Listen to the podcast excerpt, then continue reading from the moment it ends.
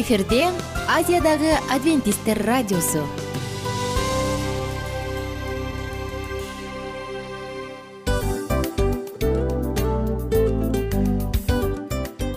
Достор салют. Баардык сүйүктүү угармандарыбызга салам айтабыз. Кутман күнүңүздөр менен.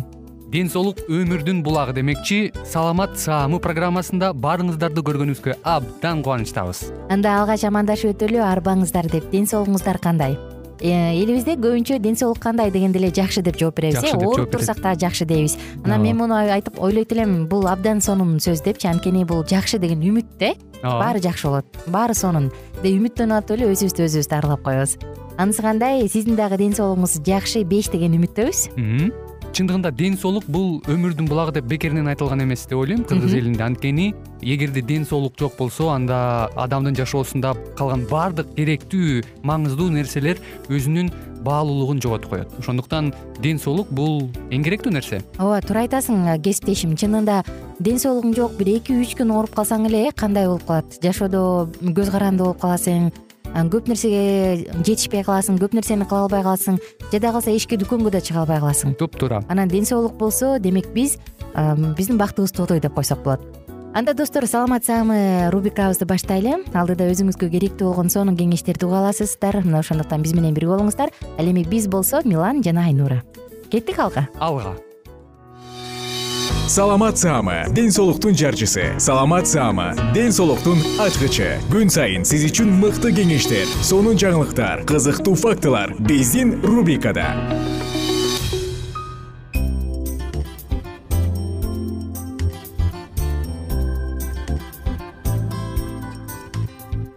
Салют достор. Угармандарыбыздын баардыгына ысык салам айтабыз сиздер менен кайрадан саламаттуу дене циклин улантуу менен бирге бүгүнкү темабыз дагы сонун какач менен күрөшүү деп аталат. Элестетиңиз жолугушууга даярданып атасыз. Эң сонун стилдүү саркеч жакшынакай жарашыктуу кийим. Сонун парфюм кымбат саат тагындыңыз. Өзүңүздү сонун сезип турасыз. Жолго чыгаардын алдында дагы бир жолу күзгүнү каранып алайынчы деп келсеңиз өзүңүздүн кийимиңиздин далында ушундай бир какачтардын тобун көрдүңүз эк мунун баары маанайды бузат чынбы жагымсыз да туурабы? Какач бул оору жана достор аны косметикалык каражаттар менен айыктырууга мүмкүн эмес? Ар кандай шампуньдар бар эмеспи мунун баардыгы тең какачка каршы болгон какачты кетирет деген мунун баардыгы убактылуу гана жардам берет. Мындай көйгөй бар болсо этибар албай койбоңуз. Анткени какач имиджиңизди гана бузбастан чач түшүп таз болуп калууга дагы алып келет ошондуктан достор эгерде сиз жакшы саламаттуу бекем чачтуу болгуңуз келсе сөзсүз какачтардан арылыңыз. Кантип? Бул жөнүндө биз алдыда айтып беребиз ошондуктан биз менен бирге болуңуз жана бир дагы сөздү бир дагы кеңешти калтырбаганга аракет кылыңыз. Анда эмесе алга. Келиңиздер достор эң эле алгач какач менен кантип күрөшсө эффективдүү болот. Мына ушул жөнүндө айтып берелик. Какач бул эпидермистин клеткалары май чыгаргыч бездердин иштешинин бузулушунун натыйжасында жуулбайт топ тобу менен катырап чыга баштайт кургай баштайт. Ошентип ийиндерибиздеги ак кардай болгон жагымсыз көрүнүштү пайда кылып кургап түшүү процесси дайыма болуп турат. Адам ошол кабыктарды алып жок кылыш үчүн жуунат. Бул теринин нормалдуу өзүн өзү тазалоо процесси. Ал күч алган кезде анын кабыкчаларды көрө баштаганыбызда демек бул процесстин бузулганынан кабар берет мындай учурда доктурлар себорея жөнүндө айтышат. А биз болсо аны жөнөкөй тил менен какач деп коебуз. Демек бүгүн себорея жөнүндө сөз кылабыз. Себореянын бир топ бир нече түрлөрү формалары бар. Кургак майлуу жана аралаш. Анын пайда болуусунун себептери эң эле көп. Эмне себептен пайда болот какач бирден бир себеби. Аутоиммундук оорунун эрте белгиси болушу мүмкүн. Бул мисалы псориаз же болбосо гормондордун деңгээлинин өсүшү болушу ыктымал. Мисалы эркектердин жыныстык гормону тестостерондун өсүшү теринин сааласын же болбосо майын көбөйтөт. Натыйжада териде какач пайда болот. Бул грибок оорусу дагы болушу мүмкүн. Негизинен грибок дайыма териде жашайт. Бирок бир нерсе туура эмес иштей баштаганда иштөө процессинде туура эмес бир функциялар бузулганда ал тез өсөт анан ошонун натыйжасында негативдүү таасир тийгизет. Тагыраак айтканда мындай учурда клеткалардын сырткы катмарлары гана кургап түшө баштабастан сезгенүү процесси дагы жүрөт. Бирок муну менен күрөшсө болот. Болгондо дагы эң эле жөнөкөй жана эффективдүү. Кандай ыкмалар менен? Келиңиздер бул тууралуу азыр айтып берейин.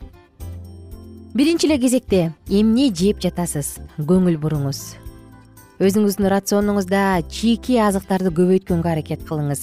Элүү пайыздан жетимиш пайызга чейинки өзүңүздүн порцияңызда мөмө жемиштер жашылчалар дан азыктары жаңгактар болгону жакшы.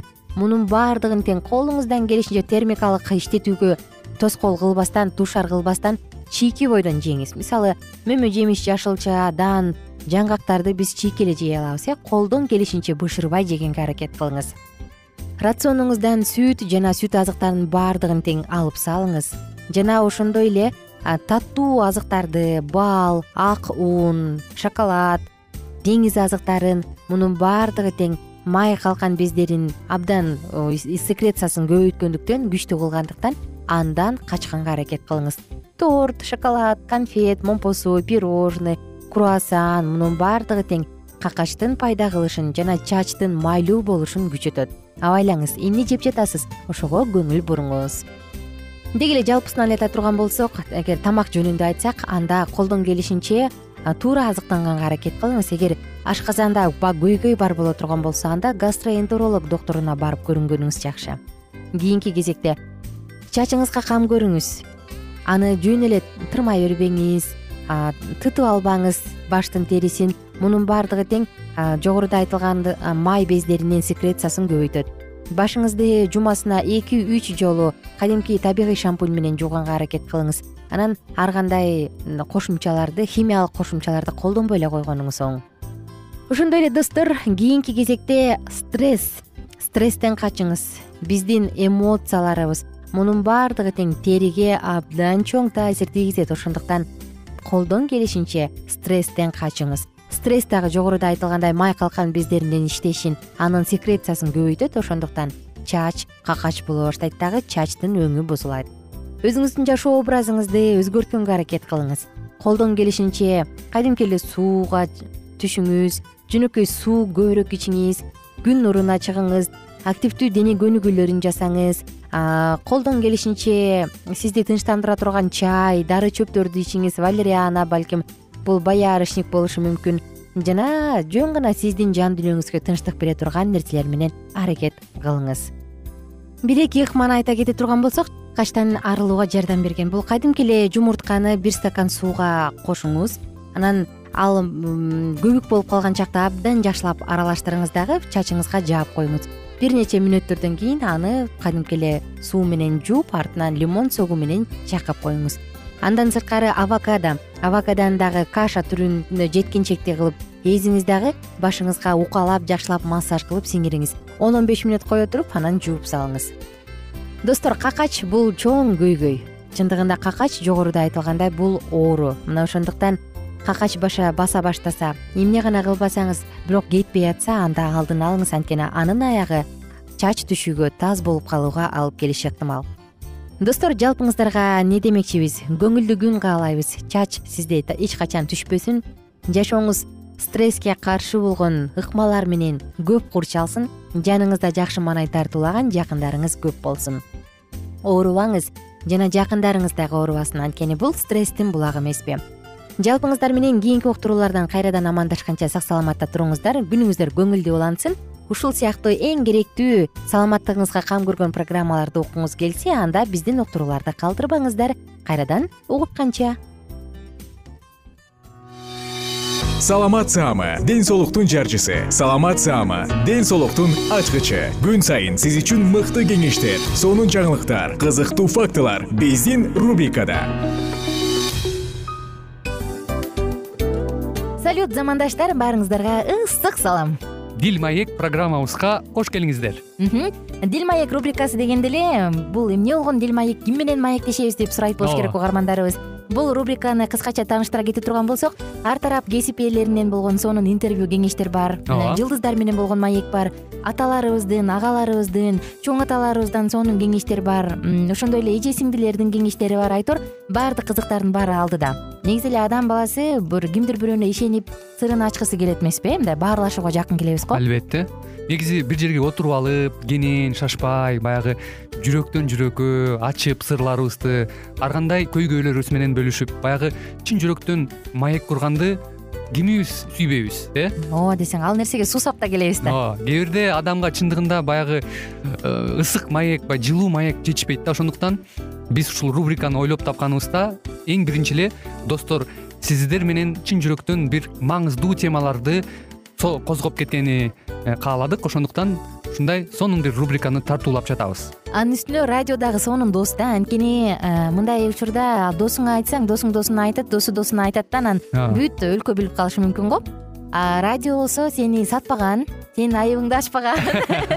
Сенин сырыңды эч кимге айтпаган сонун досуң ошондуктан биздин алдыдагы айта турган кеңештерибизди биздин досторубуздун кеңештерин угуп анан ал жака пикириңизди дагы калтырып кайрадан биз менен байланышсаңыздар болот. Деги эле жашооңузга эгерде кичине болсо дагы өзгөрүү алып моралдык жактан нравовик жактан сонун бир кеңештерди алсаңыз демек биз максатыбызга жеттик. Ооба. Чыңгыз атабыз улуу жазуучу э, чыңгыз айтматов айткандай адам болуу бул күнүмдүк процесс экен. Күн сайын адам бойдон калуу бул адамзатка эң эле кыйын дейт э? э эң кыйын дейт. Чындыгында бунун э, негизинде адамдын эң баягы сапаттуулугу адамдын э, адамгерчилиги жана көптөгөн керектүү нерселер мына ошол темалар дагы бизде ушул дил маекте биз аларды да козгойбуз. Ден соолук жөнүндө да сүйлөшөбүз. Сөзсүз түрдө. Анан милан мырза негизи айтып коюшат го? Биз көбүнчө эмнени ойлонсок ошол нерсеге карата иш кылабыз го? Анан анысы кандай балким бул радио баракчада кимдир бирөөнүн оюн текшергенге жардам берет кимдир бирөөнүн жүрөгүн текшергенге жардам берет. Балким кимдир бирөөгө жашоонун маңызын тапканга жардам берет айтор кызыктын баары алдыда бул жөн гана кыскача жарнама анда угармандарыбыздын баардыгын кийинки рубрикабызга чакырабыз. Ал эми кызматта маңдайымда отурган кесиптешим милан жана мен айнура. Анда эмесе биз даярдаган терең терең ойлор менен таанышууга кеттик. Алыс алыс баралык анда эмесе достор биз менен бирге болуңуздар. Алдыда эң кызыктуу маалыматтардын баардыгы бир нече мүнөттөр бою жалгыз гана сизге арналат мына ошондуктан жакшы маанай менен угууну каалайбыз. Үн алышканча. Жөнөдүк. Ар түрдүү ардактуу кесип ээлеринен алтын сөздөр жүрөк ачышкан сыр чачышкан сонун маек дил маек рубрикасында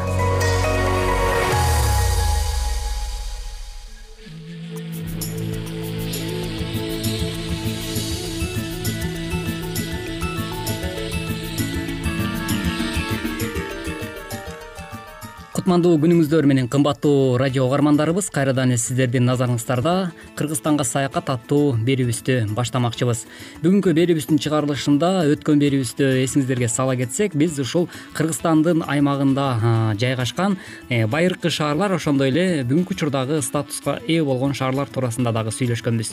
Бүгүн деле дал ушул жаатта сапарыбызды улайт экенбиз. Себеп дегенде себеп дегенде биздин э, өлкөбүздө э, өзүнүн уникалдуулугу менен айырмаланган э, кызыктуу шаарларыбыз дагы бар эмеспи андыктан бүгүнкү программабыздын чыгарылышында дал ушул ири шаарлар туурасында дагы сүйлөшмөкчүбүз. Программабыздын алкагында биз азыр ноокат шаары туурасында дагы сөз кылат экенбиз. Ноокат кыргыз республикасынын ош облусунун ноокат районундагы шаар ноокат районунун административдик борбору ош шаарынан кырк үч чакырым аралыкта жайгашкан. Ош облусунун ноокат районунун ноокат шаары эски ноокат айылдык кеңешинин ордуна уюшулуп азыркы гулистан мирмахмудов айыл аймактарынын айрым жерлери кошуп олтуруп кыргыз республикасынын эки миң үчүнчү жылдын сегизинчи сентябрындагы номер эки жүз он төртүнчү мыйзамдын негизинде райондук деңгээлдеги шаар статусун алган таштак кара турпак бостон барын болуп жалпысынан төрт кварталдан турат. Калкынын саны он беш миңден ашуун. он эки миңден ашуун ар улуттун өкүлдөрү жашайт. Жалпы аянты үч жарымдан ашык квадрат километр. Шаар башкармалыгы ноокат шаар мэриясы. Ноокат шаар мэриясындагы жалпы кызматкерлеринин саны отуз үчтү түзөт. Аппараттык курамы жыйырмадай шаардык кеңештин депутаттарынын саны жыйырма бирге жетет. Мындан сырткары дагы кочкор ата шаарчасы туурасында дагы айтып кетпесек болбос.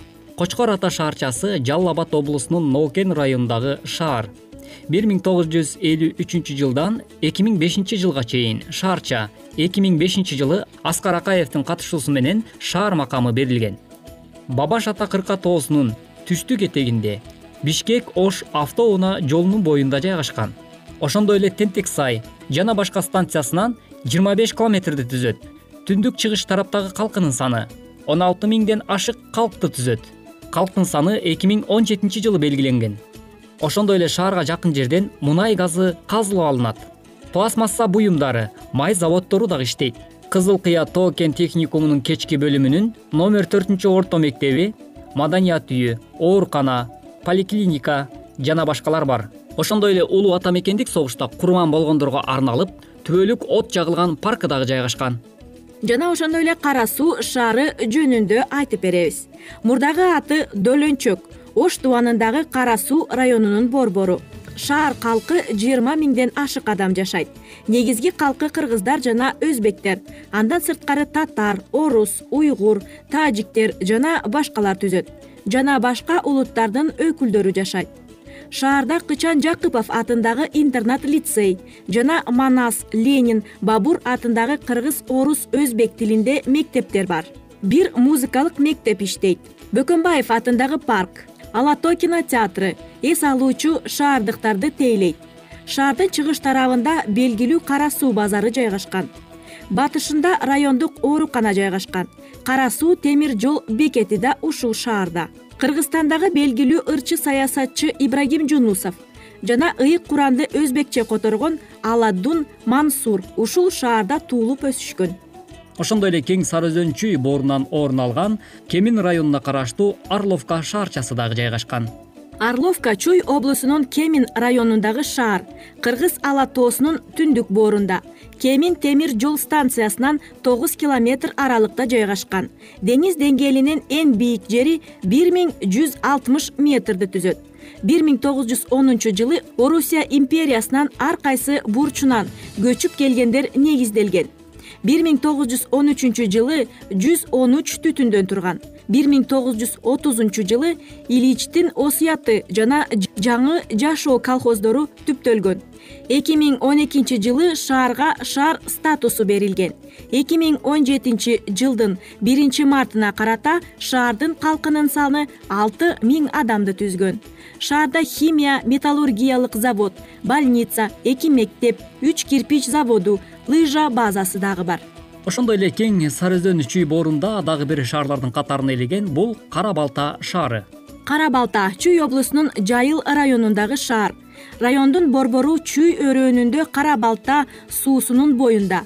Бишкек тараз казакстан ташкент өзбекстан автомобиль жолдорунун жээгинде. Деңиз деңгээлинин жети жүз сексен метр бийиктикте жайгашкан. Бишкек шаарынан алтымыш эки километр облустун борбору токмок шаарынан жүз жыйырма эки километр батыш тарапта. Шаар бир миң тогуз жүз жетимиш бешинчи жылы тогузунчу сентябрда кош тегирмен шаарчасы менен калинин кыштагынын бир бөлүгүнүн кошулушунан пайда болгон. Аянты үч жүз жыйырмадан ашык гектар калкы отуз жети миңден ашык эки миң тогузунчу жылы байкалган кыргыз орус украин өзбек немец казак жана башка улут өкүлдөрү да жайгашат. Темир жол бекети бар. Шаарда облустун өнөр жай продукциясынын жетимиш пайызы өндүрүлөт. Уран жана алтын концентраттарын тазалоочу тамак аш кант спирт un нан сүт консерва электртехникалык буюмдар кийим тигүү өнөр жай ишканалары килем комбинаты кыргыз алтын афинаш заводу иштейт. Шаарда он бир орто эки башталгыч эки жатак музыкалык жана спорт мектептери китепканалары эки кесиптик лицей тамак аш жана медициналык окуу жайлары техникалык университетинин филиалы чуй университетинин окуу консультация пункту физрети осмон атындагы ислам дини боюнча жогорку окуу жайы христиан диний окуу мектептери эки маданият үйү музей эки кинотеатр бар үч поликлиника анын ичинде тиш дарылоочу эки оорукана санитария эпидемиология станциясы банктар базарлар иштейт. Шаардын четинде мечиттер жана чиркөөлөр жайгашкан убакыт деген учкан куш экен. Ал эми урматтуу угармандарыбыз бүгүнкү уктуруубузга дагы э, кулак төшөгөнүңүздөр үчүн ыраазычылык билгизүү менен биргеликте кийинки берүүбүздөн дал ушул аба толкундан сиздер менен эле кайрадан үн алышканча сак саламатта болуңуздар деп биз коштошмокчубуз анда эмесе урматтуу угармандар кайрадан бул ободон үн алышканча жалпыңыздарга кайыр. Ар түрдүү ардактуу кесип ээлеринен алтын сөздөр жүрөк ачышкан сыр чачышкан сонун маек. Бил маек рубрикасында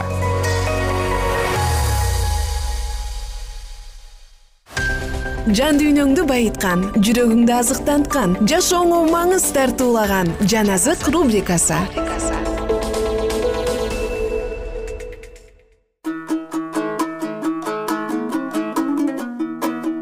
Арбаңыздар кадырлуу замандаштар. Жалпы угармандарыбыз менен улуу күрөш китебин улантабыз. Биз менен бирге болуңуздар. Өмүр китебинде кудайга кызмат кылып келген адамдардын аттары жазылган. Ыйза өз шакирттерине мындай деп буйрук берген. Силердин ысымыңар асманда жазылгандыгына кубангыла лука он жыйырма. Элчи павыл дагы ысымдары өмүр китебинде жазылган кызматташтар туурасында айтып кеткен. Даниил пайгамбар болуп көрбөгөндөй кыйын күндөргө көз жүгүртүп китепте жазылган табылган кудай эле куткарылат деп айтат. Аян китебинде мындай деп жазылган. Козунун өмүр китебинде жазылгандар гана кудайдын шаарына киришет өмүр китеби кудайдын алдында жазылат. Жана ага кудайдан корккон жана анын ысымын кастарлаган адамдардын иштери киргизилген. Алардын ишеним сөздөрү сүйүү иштери асманда жазылган. Немия бул нерселерге көңүл буруу менен мындай деп айткан. Бул үчүн мени эсиңе ала көр. Менин кудайым. Кудайымдын үйүнө кылган ак кызматымды жана аябаган аракетимди эсиңден чыгарба. Немия он үч он төрт кудайдын тастыктаган китептеринде ар бир адилеттүү иштер кылымдарга жазылып калган. Ал жерде ар бир сынакка туруштук берүүлөр ар бир жамандыкты жеңген жеңиштер жана ар бир айтылган жумшак сөздөр калтырылбастан белгиленип калган. Ал китептерде дагы кажыбаган иш аракеттер машаяк үчүн таратылган азаптар жана жаракаттар калтырылбай баяндалган. Забурда мындай деп жазылат. Сенде менин жолоочулаган күндөрүмдүн бардыгы эсиңдеби көз жашымды өз идишиңе куюп көр. Алар сенин эсеп китебиңде эмеспи?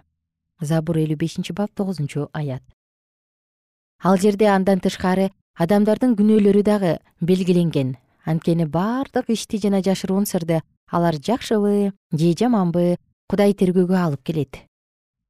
Адамдар ар бир айткан орунсуз сөздөрү үчүн сот күнүндө сурак берет.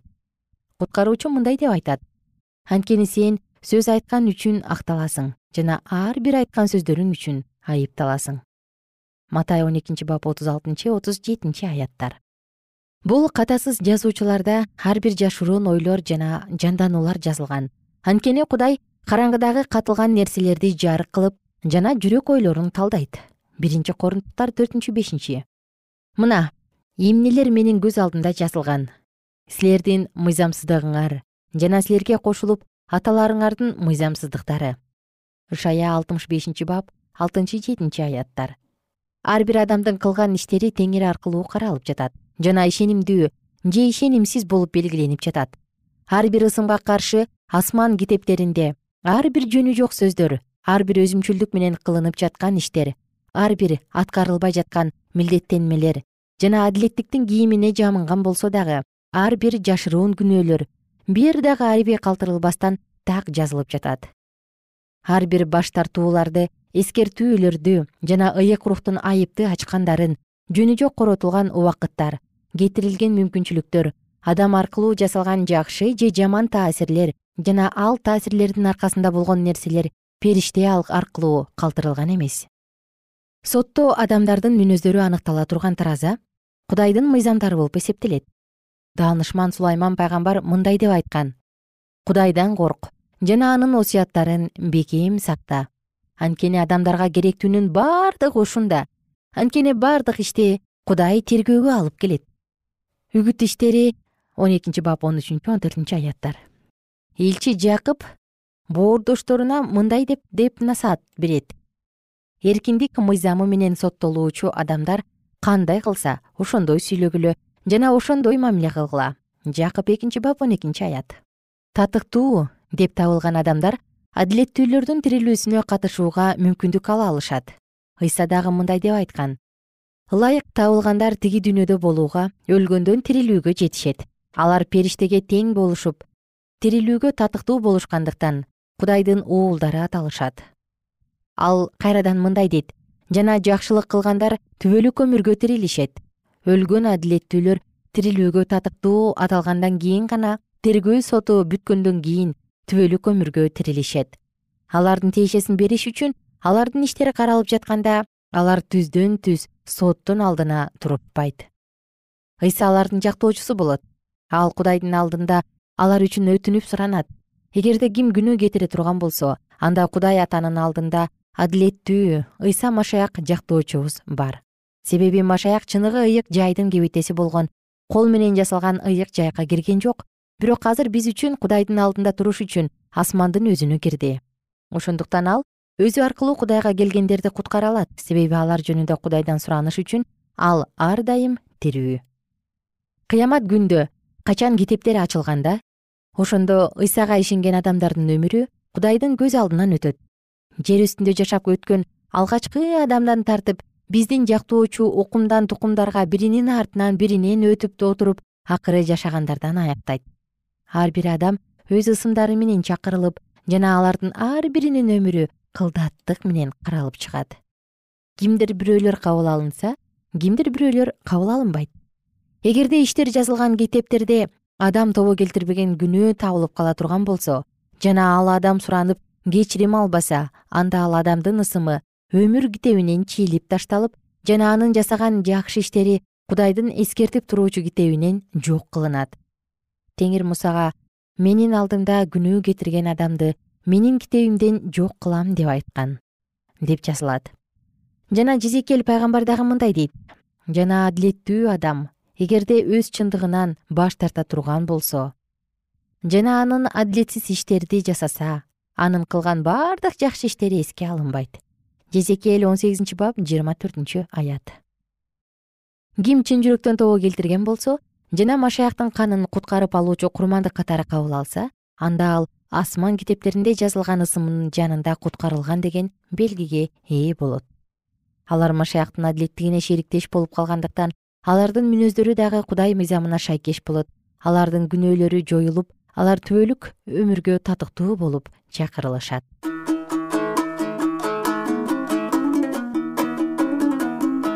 замандаш кайрадан кийинки уктуруудан улуу күрөш китебин улантканча сак саламатта туруңуз.